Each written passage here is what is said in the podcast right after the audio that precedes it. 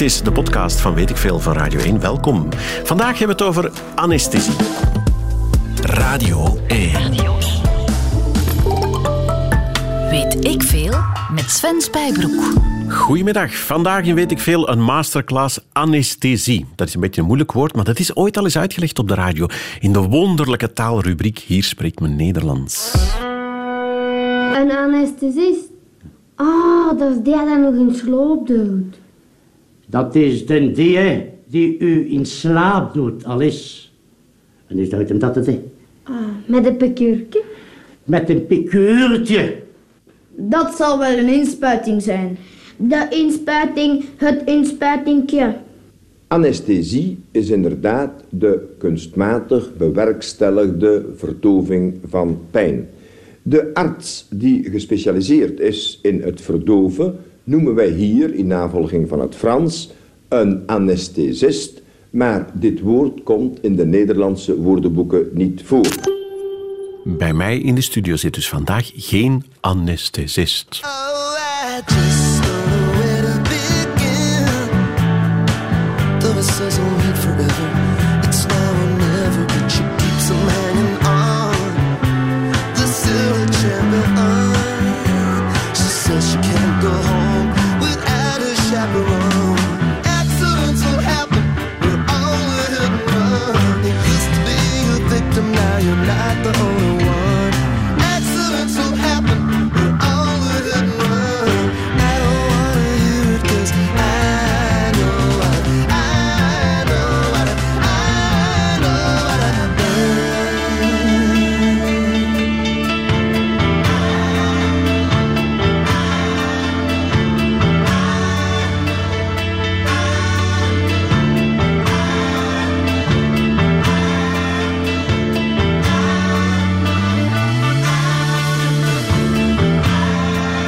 Accidents Will Happen van Elvis Costello. Leuk plaatje om mee te beginnen, hè, Carlo Missant?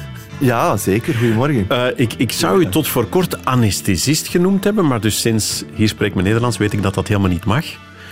Zouden we dan anesthesioloog van maken? Ik weet het niet. Het is eraf geknipt van het fragment. ik heb geen idee. Maar goed, we gaan het... De die die u in slaap doet, was het, hè? Met een pikurken. Ja. Ja, met een pikur. Dat bent u dus, hè? U bent professor, eh, u geeft ook les hè? o- eh, aan anesthesisten. Nee, aan studenten geneeskunde en aan anesthesisten in opleiding. Ah, voilà, kijk. eh, verbonden aan het AZ Groeningen, dat is in Kortrijk, een ziekenhuis. ja. Net een 24-uursdienst op zitten. Ik vind het fantastisch. uit, ja, u ziet er ongelooflijk fris uit eigenlijk. Ehm, eh, waar zullen we beginnen? Wacht, eh, 1846. Dat is niet toevallig een jaartal dat ik eruit pik, hè, om het over Nee, verdoving een- te hebben. voilà, dat is een, een jaartal dat in alle hoofdstukken over de geschiedenis van anesthesie toch altijd prominent aanwezig is, omdat daar volgens de geschriften, volgens de publicaties, zogezegd de eerste demonstratie publiek van anesthesie heeft plaatsgevonden. Hoezo gezegd?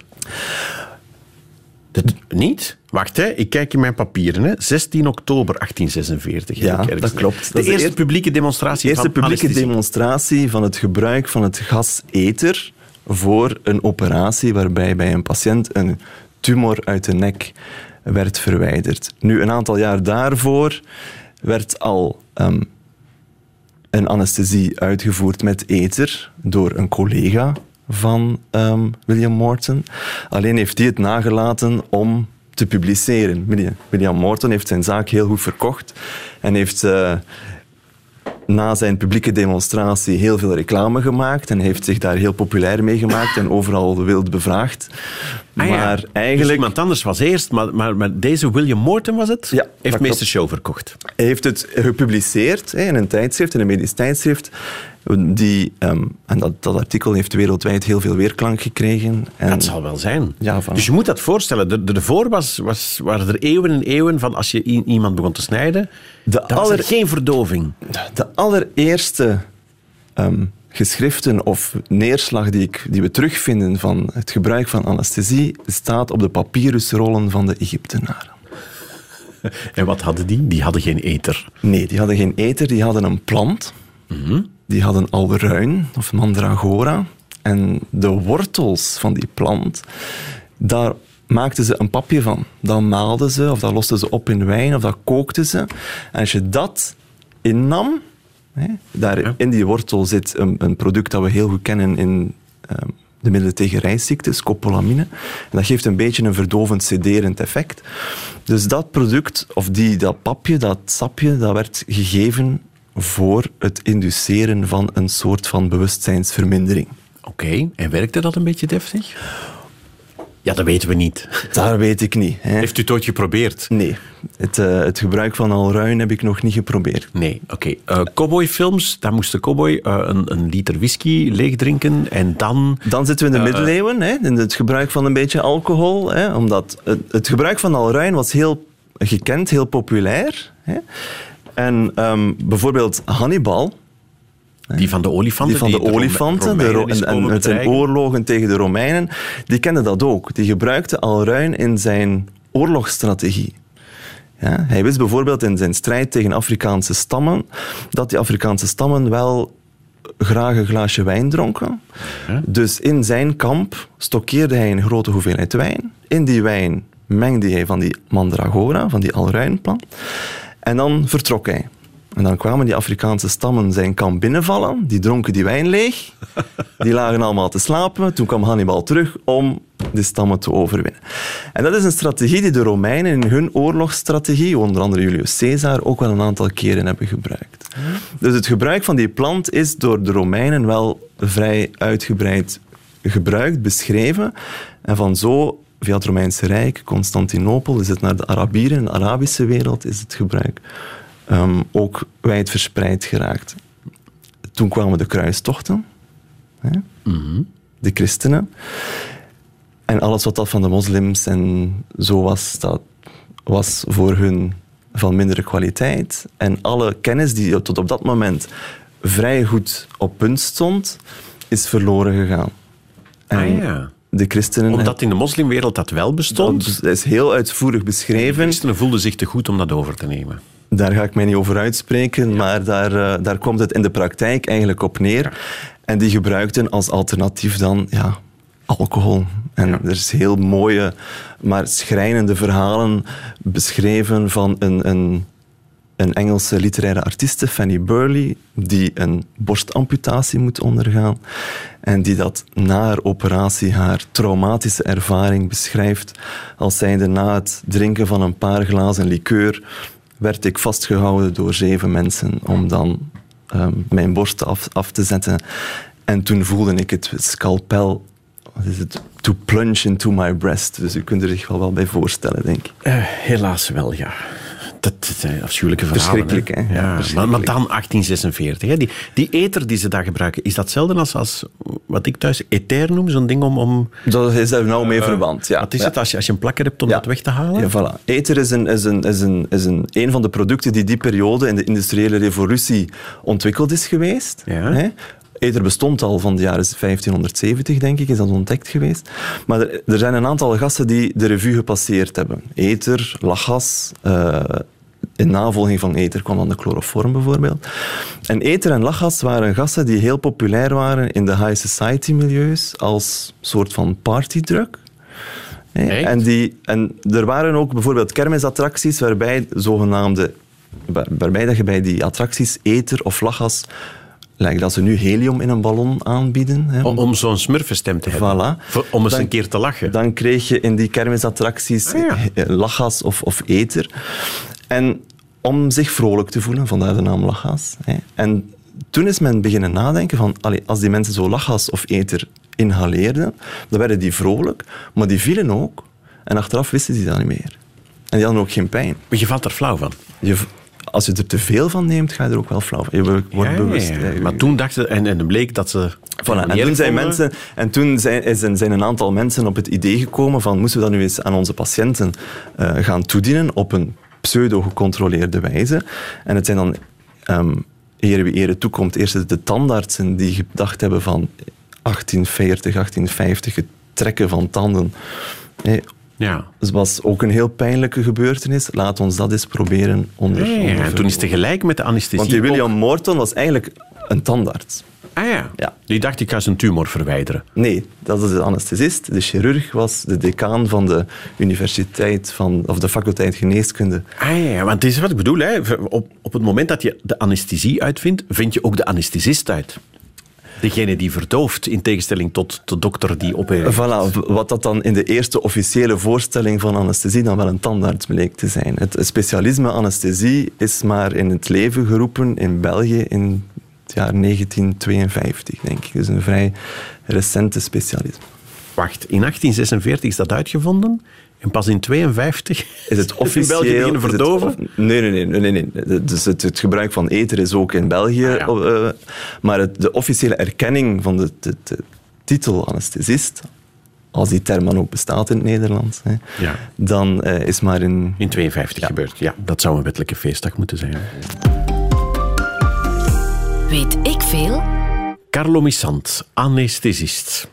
Anesthesist, moest ik zeggen. Zelfs dat niet. Ehm, wat doet het eigenlijk juist met een mens? hè? Van, ik, ik kom bij u op de operatietafel, stel nu, en dan krijg ik waarschijnlijk een spuit. We hebben verschillende technieken. Hè. Ofwel gaan wij u in slaap doen via een inspuiting, een piqûrke. Ofwel kunnen wij u in slaap doen via een gas, dat wij u via een masker gaan Ah toedienen. ja, en in slaap doen, zegt u. Is dat bij wijze van spreken of, of is het echt slapen wat ik dan doe? U gaat slapen, u gaat het bewustzijn verliezen. Ja. Anesthesie is een combinatie van verschillende elementen. hè, Waarvan bewustzijnsverlies, hypnose, één onderdeeltje is. Heet dat hypnose? In vaktermen. In vaktermen noemen we dat Ah ja, als ik s'avonds slaap, dan ben ik in hypnose. ongeveer. Ja. maar als ik slaap en je steekt een mes in mij, dan schiet ik terug wakker. Hè? Voilà. Hè, daarnaast is het bewustzijnsverlies. Hè, gaan we dan ook de pijnstilling te werkstellen, bewerkstelligen. hè. Ja. Gaan we ervoor zorgen dat ehm, de chirurg in optimale omstandigheden kan werken door uw spieren al dan niet te verslappen. Ja. En gaan wij uw lichaamsfuncties allemaal zo fysiologisch mogelijk houden tijdens de chirurgie. Want u moet zich inbeelden dat uw lichaam een heelkunde, een operatie, ervaart als een aanval op zijn integriteit en daarop gaat reageren. Ah ja. Dus de bedoeling is van anesthesie ervoor zorgen dat u zich niks, dat u het niet bewust meemaakt. ja. Dat, Dat je u- niks voelt. Dat u er zich achteraf ook niks meer van herinnert, want dat staat nog los van het bewust meemaken. Ja. En dat uw lichaam zich daar op een zo normale mogelijke manier door ehm, gaat begeven. Dat uw bloeddruk normaal blijft, dat uw temperatuurhuishouding op, op peil blijft, dat uw hormonen normaal op normale niveaus blijven, dat alle lichaamsfuncties, uw nieren, uw longen, uw lever, dat het allemaal normaal blijft functioneren tijdens een heelkundige ingreep. Wacht, hè. Dat, dat, dat verdoven en dat, dat, eh, die pijnbestrijding, dat snap ik. Maar dat spierverslappen. Kan je, zor- kan je spieren verslappen en zorgen dat iemand toch blijft ademen? En, en Nee. het hart en zo, dat is ook een spier, hè? Ja, maar de spierverslappers die wij gebruiken, die werken enkel op onze skeletspieren. Die gaan niet op de hartspier werken, dus het hart blijft autonoom pompen. Door het bewustzijnsverlies en door de pijnstilling, de pijnstillers die we geven, zal u vanzelf al stoppen met ademen. Dus wij moeten uw ademhaling voor een groot stuk overnemen. Kunstmatig gaan beademen. Je stopt met ademen Je stopt met als je onder volledige verdoving bent. Ja, dus wij gaan een buisje of een, een, een, ja, een plastieke buisje in uw luchtpijp plaatsen en gaan uw ademhaling overnemen. Oké. En uw spierverslappers, ja, dat is nodig om bijvoorbeeld dat buisje op een gemakkelijke manier ter plaatse te krijgen of om de chirurg toe te laten om u in uw buik te opereren ofzovoort. Ah ja, omdat anders je lichaam toch nog de reflex zou kunnen hebben om Van te verkrampen of tegen te wringen en- of ja, die chirurg een map te geven. Of...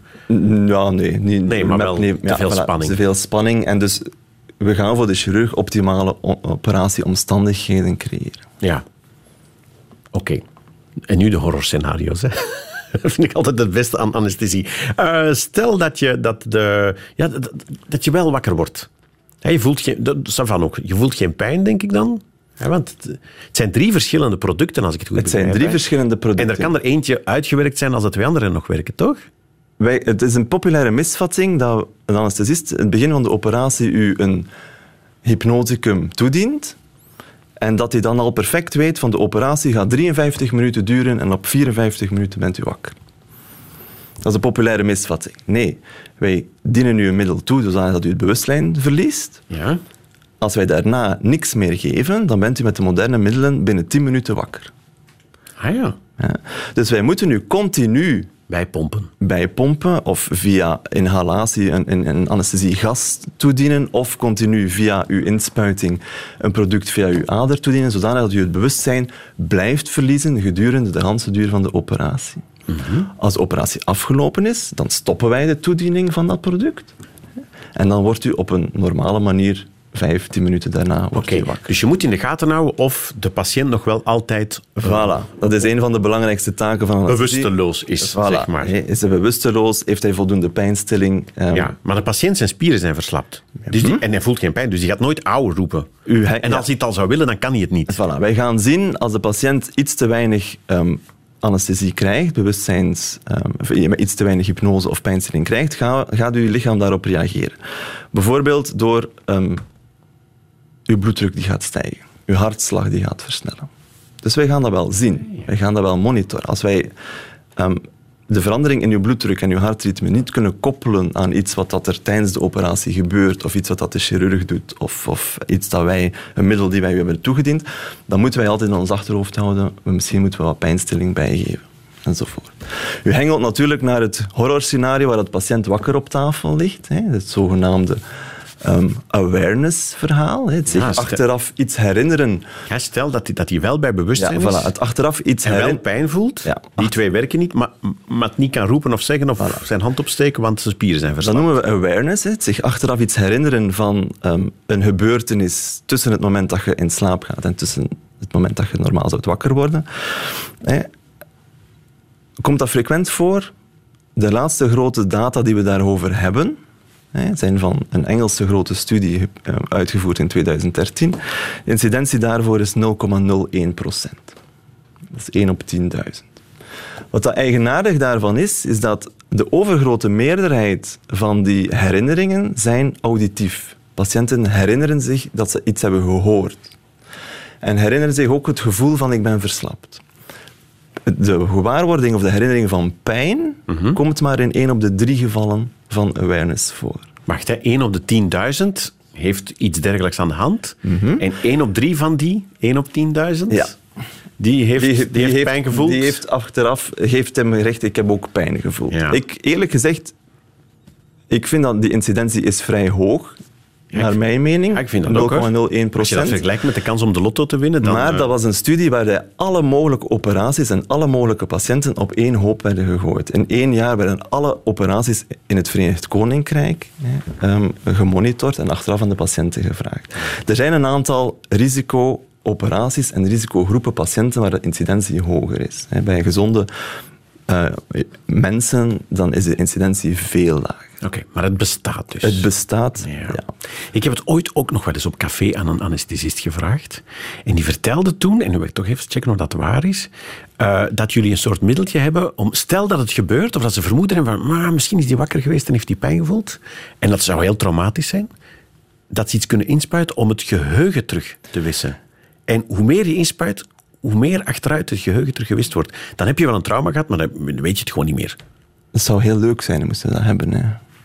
Maar het, het zogenaamde retrograde amnesie, dus het zich... Ik ben al blij dat u er een woord voor heeft. Voilà, vermoeden hè, dat dus- het echt bestaat. Nee, want we hebben daar geen middel voor. Er zijn op Nee? dit moment hebben we geen middel dat retrograde amnesie geeft. Ik kan u wel een middel geven waarvan dat, als ik u dat nu geef, dat u zegt wat dat binnen de komende 10 minuten, een kwartier gebeurt, dat u zich daar achteraf niks van herinnert. Maar ik kan u niks geven dat u... U kan mijn geheugen vooraf al wissen. Voilà, ik kan u een middel geven waarvoor dat u... Allez, als, ik, Ja? als ik het u nu geef...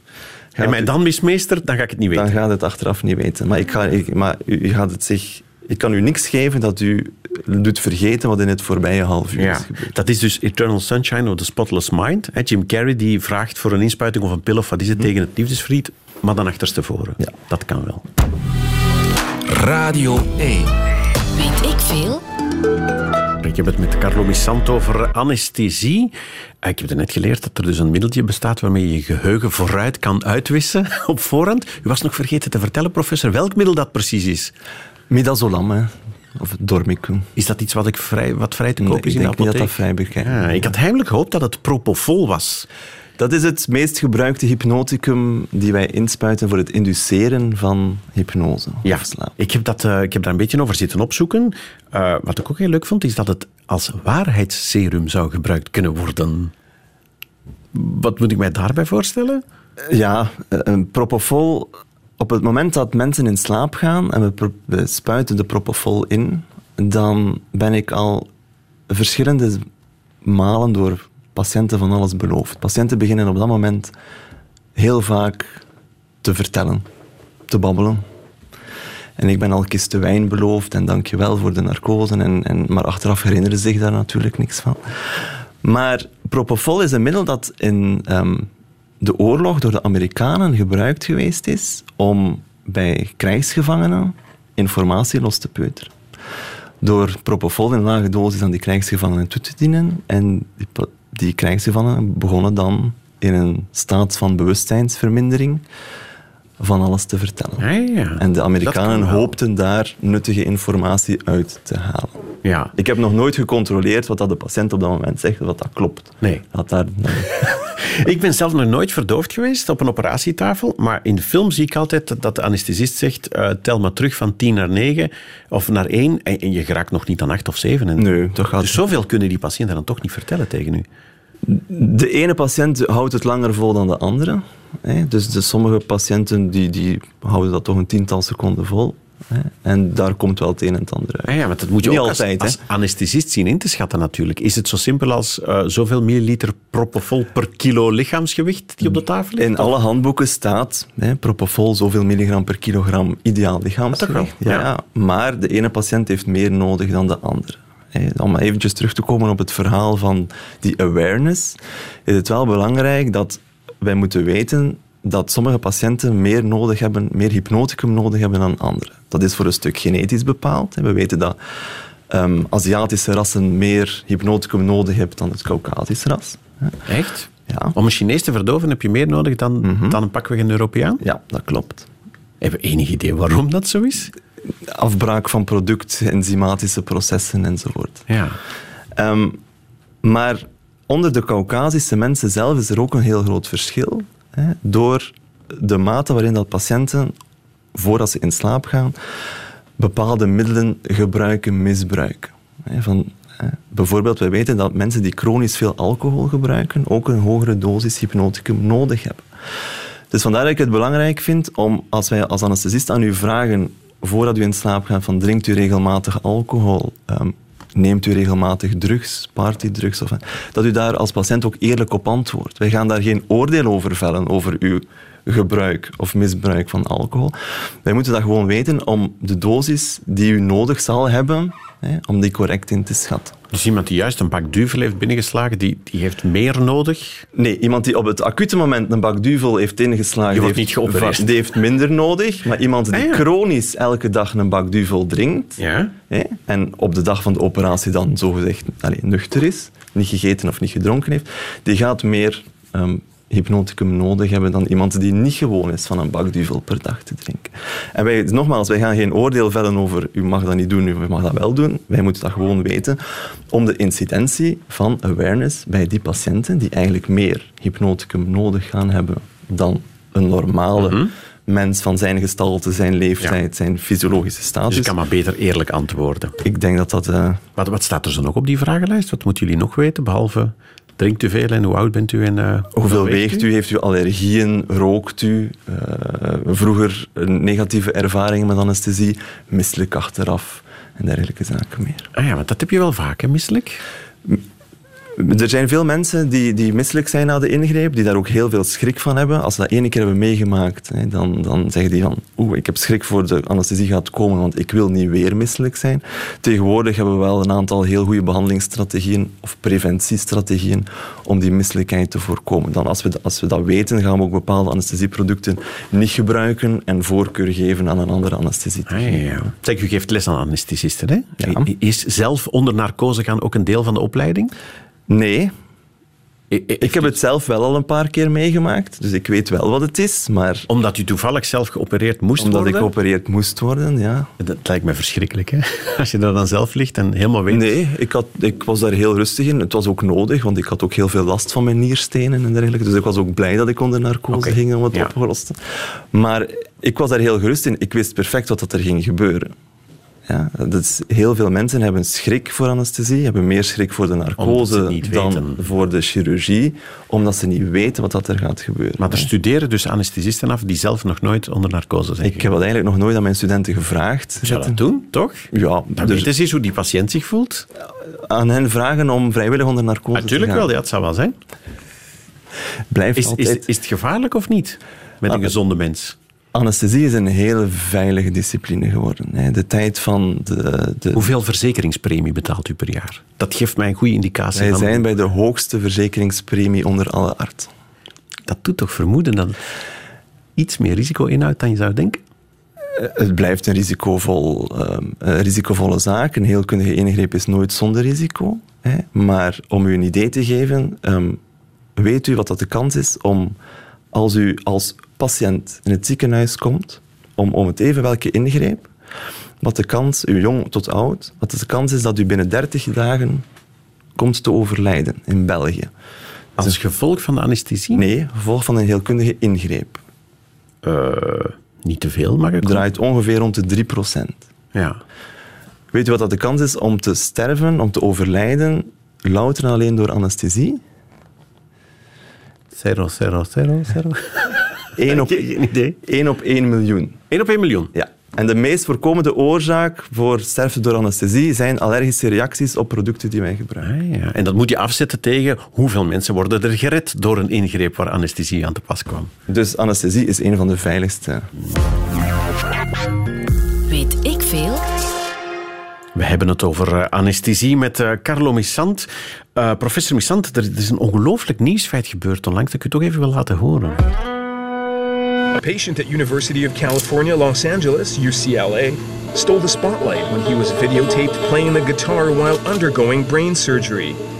Brad Carter, a 39-year-old actor and musician in Los Angeles, was undergoing a procedure to implant a brain pacemaker to help treat essential tremors, an involuntary shaking movement for which no cause can be identified. Dat is een nieuwsbericht dat ik niet geloof, want er is sprake van een patiënt die zou gitaar hebben liggen spelen tijdens de operatie aan zijn hersenen. Op de achtergrond hoor ik toch vooral banjo, moet ik nu eerlijk zeggen. maar dit terzijde, dat kan dus blijkbaar, hè? Absoluut. Het is een, een, iets dat de laatste jaren heel sterk in op, op ehm, mars is gekomen. Namelijk ehm, wakkere neurochirurgie, wakkere hersenchirurgie. Voor alle duidelijkheid, de patiënt gaat in slaap. Hè, gaat eerst in slaap. Ja. om de toegang tot de hersenen te bekomen. Want het snijden in uw hoofdhuid en openboren van uw schedel doet wel pijn. Dus daar gaat de patiënt wel voor in slaap. De hersenen zelf hè, zijn niet pijngevoelig. Dus op het moment dat de toegang tot de hersenen is gemaakt en de neurochirurg zijn akte, in dit geval het implanteren van een aantal eh, hersenelektrodes voor het ehm, behandelen van een tremor, dacht ik. Hè? Beving, Een ja. beving, een tremor. Dan gaat op dat moment gaat de patiënt wakker gemaakt worden. Dus het, dak- het dak eraf, dat doet pijn, maar, maar de hersenen zelf van binnen... Voilà. Dus patiënten worden daar op voorhand heel goed op voorbereid. Hè. We, we, ehm, krijgen daar ook... eh, ja, zien die anesthesist en die chirurg op, natuurlijk op voorhand, krijgen alle mogelijke uitleg, weten wat dat er gaat gebeuren, weten dat ze in slaap gaan en weten dat ze op een bepaald moment tijdens de operatie wakker gemaakt gaan worden. En dat ze dan vooral stil moeten blijven liggen. En dat ze vooral- het dak eraf is. Voilà, dat ze dan vooral stil moeten blijven liggen. Ja. En dat hen op dat moment verschillende ehm, zaken gaan gevraagd worden. Van beweeg nu een keer uw linkerarm, nijp nu eens in... in Ah, dat is om te kijken, ook als ze aan het snijden zijn, welke hersenfuncties ze wel of niet op bepaal- raken. op- ja, voilà, op- wanneer de elektrodes aan het plaatsen zijn, moeten ze weten in welke regio's van de hersenen Ja. ze zitten om die elektrodes te U spuit zelf eh, om, om eh, mensen te verdoven allerlei chemische middeltjes in en zo. Je hoort ook verhalen over hypnose, hè? Dat is een beetje familie ervan, dat lijkt er verdacht op. Nee, pas, de pas- deze patiënt is perfect wakker. Ah, ja, die is perfect wakker. die is Perfect eerst wakker. perfect verdoofd. Die is perfect verdoofd en die en wordt op dat moment wakker. perfect. Oké, kan ik iemand met hypnose verdoven? Of, nee, wat is het? Ja, pijnongevoelig maken of wat dan ook. Ja, laat me zitten. Luisteraars, u kan zijn ogen niet zien. u gelooft er niks van. Zo te zien. Het is iets dat de laatste jaren meer en meer in opmars ook al komt. Ik kan ook in België cursussen volgen om hypnose ehm, of, of, of demonstraties van hypnose. Ik heb het zelf eerlijk gezegd nog nooit gezien. Hè. Dus ehm, ja, ik ben er een beetje terughoudend tegenover. Je zou het niet meteen durven proberen. Bij u? Bent u kandidaat? Nee, nee, nee, nee, nee. nee, nee. Echt niet. Zeg, iets anders dat ik u zou willen voorleggen. Probleem. Ehm, eh, ik denk dat u de stem meteen ook wel gaat herkennen. De PPA, ofwel palpatio per annum. Dat is eigenlijk een hele moeilijke medische term om te zeggen, je krijgt een vinger in je gat. maar nu blijkt het dus voor een dokter heel moeilijk te zijn om het verschil te voelen tussen een zieke en een gezonde prostaat. Ja, en ze kunnen dat ook niet namaken, een prostaat. Dus als dokter in opleiding moet dan zoveel mogelijk echte prostaten voelen. En nu komt het. Wat gebeurt er met elke man dat in het ziekenhuis onder volledige narcose gaat? Voor gelijk welke operatie? Inderdaad. Vanaf het moment dat jij in slaap bent, gaat er een dokter op de gang roepen. Zijn er stagiairs voor de PPA? En dan komen ze. En voordat je het weet, heeft er een nieuwe klas geneeskunde in uw gat gezeten. Al ga jij binnen voor uw wijsheid staan, hè. Ze zitten erin, hè. Dat is echt waar, hè. Dokter Carlo Missant, het enige wat u moet doen is gewoon ontkennen. Natuurlijk, ik ga dat ook ten stelligste ontkennen. Ik heb het nog nooit, maar dan ook nog nooit gezien of meegemaakt. Tegenwoordig, en ik nodig de heer Heubels uit om in de simulatiecentra, de vaardigheidscentra van onze opleidingscentrum eh, geneeskunde te gaan kijken, zijn er wel afdoende modellen waarbij verschillende ehm, plastieken modellen van prostaten ter beschikking zijn met alle mogelijke prostaataandoeningen waarbij onze studenten frank en vrij mogen voelen en oefenen zonder ook maar enige hinder voor wat voor patiënt dan ook te veroorzaken. Ik vind dat bijzonder geruststellende woorden. Weet ik veel? Carlo Missant zit hier nog altijd klaarwakkerig tegenover mij om het over anesthesie te hebben.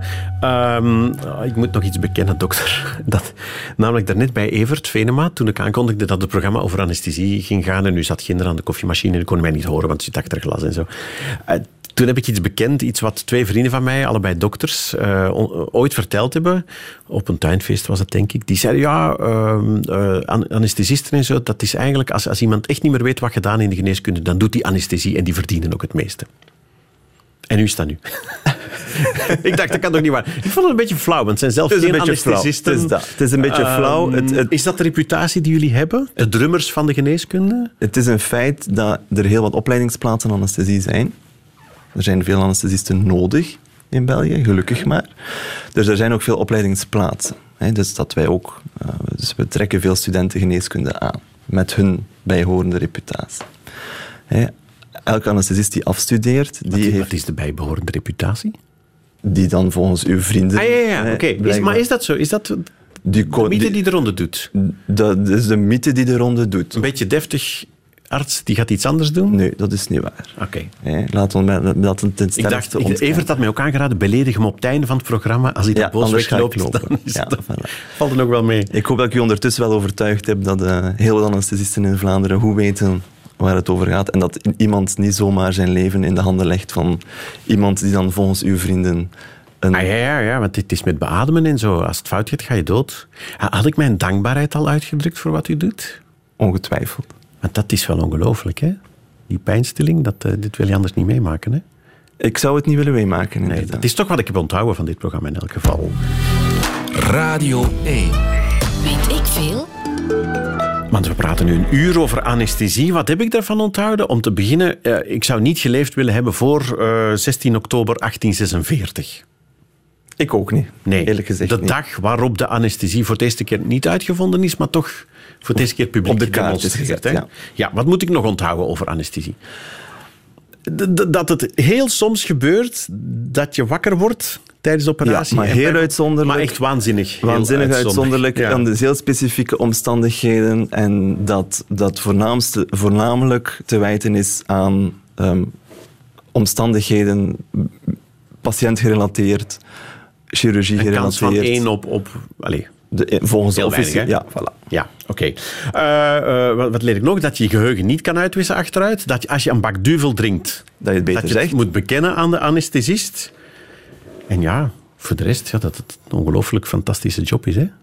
een ongelooflijke job, meestal in de schaduw. Vandaar weinig geapprecieerd door mensen die met ons samenwerken. Ook omdat het iets is wat veel mensen niet snappen. Het blijft, er hangt een, blijft een mysterieuze schakel of, of een mysterieuze mist rond ons Ja. beroep hangen. En veel mensen die met ons werken, die snappen ook niet precies wat dat we doen. En daar, daarvoor is de appreciatie misschien ook een beetje minder dan dat we eigenlijk zouden moeten verdienen. Ja, maar dus mijn dankbaarheid, hè, die heeft u ook. Dat moet u vooral ook onthouden natuurlijk.